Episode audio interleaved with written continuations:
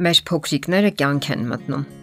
Նրանք շփվում են նախ ծնողների հետ, ապա մտնում են հասուն կյանք։ Տեղի են ունենում առաջին շփումները, առաջին հիասթափությունները, առաջին վեճերն ու վիրավորանքները, առաջին մերժումները։ Սրանք երեխայի առաջին հուզական դրսևորումներն են, երբ նա հարաբերությունների մեջ է իր հասակակիցների հետ, մանկապարտեզում, ապա դպրոցում որքան տեսարաններ են տեղի ունենում ամեն օր դպրոցական միջանցքներում, որոնք արժանի են Շեքսպիրի գրչին եւ որոնց որքան էլ տարօրինակ է, մեծահասակները հաճախ առանձնակի նշանակություն չեն տալիս։ Ինչպիսին են լինեն մեծահասակների անձնական փոխհարաբերությունները սեփական հույզերի հետ, նրանք իրենք էլ դա չգիտակցելով դառնում են սխալ պատկերացումների ու հայացքների գերիները։ Այն է, Երեխան դիտարկվում է որպես ոչ հասուն անznավորություն, որին ներկայացնում են եւ գնահատում իր հասակի չափանիշներով՝ փոքրիկ, էակ։ Այստեղից էլ բխում են մնացած բոլոր բաները։ Մեծահասակները թերագնահատում են երեխայի խոսքերը, նվազեցնում են նրա հույզերի նշանակությունը։ Ինչ մեծ բան է, լացում է թող լացի, կլացի ու կհանգստանա, կմոռանա։ Կասկածի են ենթարկում նրա կապվածության կարևորությունն ու հույզերը Հետո ինչ որ փոխել ենք նրա դասյարակին ու դայակին, ոչինչ կսովորի։ Մեծահասակները այն կարծիքին են, որ երեխան դեռևս չի հասկանում, թե ինչ է կատարվում շուրջ բոլորը, եւ այդ պատճառով էլ չի կարող մեծահասակների նման ուժեղ զգացումներ ունենալ։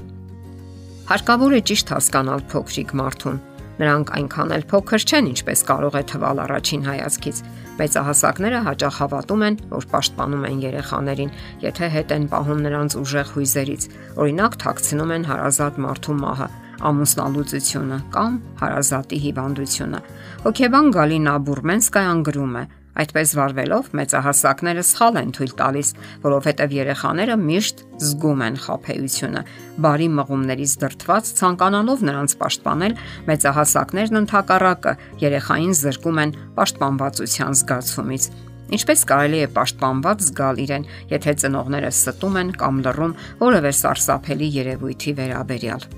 Նման իրավիճակում երեխան չի կարող դրսևորել իր զգացումները։ Եթե մայրիկը դա թաքցնում է ինձանից, ես չեմ կարող խոստովանել նրան, որ գիտեմ այդ մասին եւ դրանից ինձ վատ եմ զգում, որովհետեւ եթե ասեմ, նա կվշտանա, հնարավոր է նույնիսկ բարկանա ինձ վրա եւ երեխայի ու նրա հույզերի միջև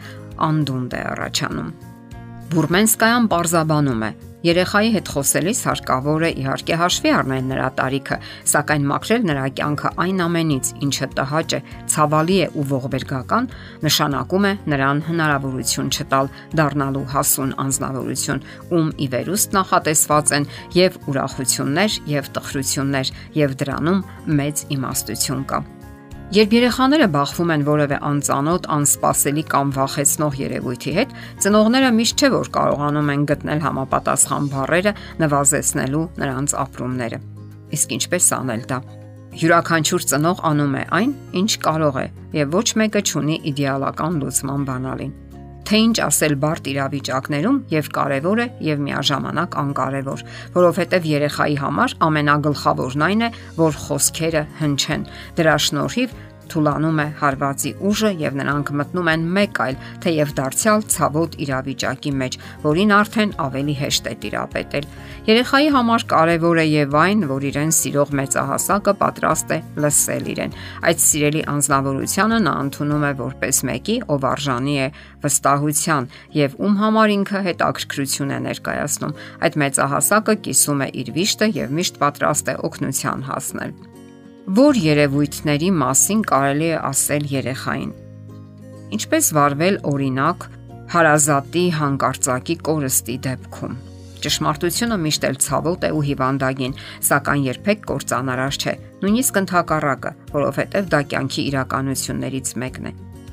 Երբ երեխային սատարում են, իրավիճակը նրա համար པարզ է դառնում եւ նա դուրս է գալիս իրավիճակից ավելի հասունացած, քանի որ իրեն լուրջ են ընդունում։ Հետևաբար շատ կարեւոր է նրան ասել ճշմարտությունը, հնարավորություն եւ իրավունք ընձեռել կիսելու վիշտը մեծահասակների հետ միասին։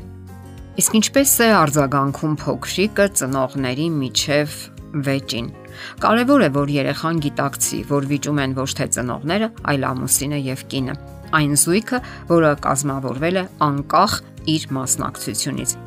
Երեխան պետք է գիտակցի, որ ինքը չէ վիճաբանության պատճառը, եթե նույնիսկ վեճը սկսվել է երեխաներին վերաբերող հիմնախնդրի հետ կապված։ Նա պետք է հասկանա, որ ինքը դատավոր չէ կամ էլ մխիթարող։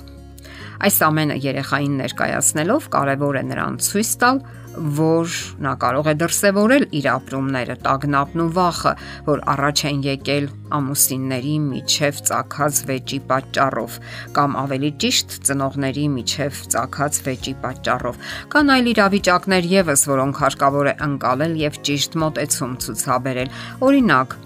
Եթե երեխան ասում է, որ ընկերը չի ցանկանում այլևս իր հետ ընկերություն անել, կամ երբ չարացած է ու նյարդային հուզմունքի մեջ է։ Ինչպես վարվել այս իրավիճակներում։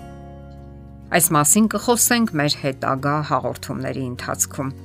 Մեզ մնում է ասել. եղեք ձեր երեխայի լավագույն խորհրդատուն եւ սատարողը։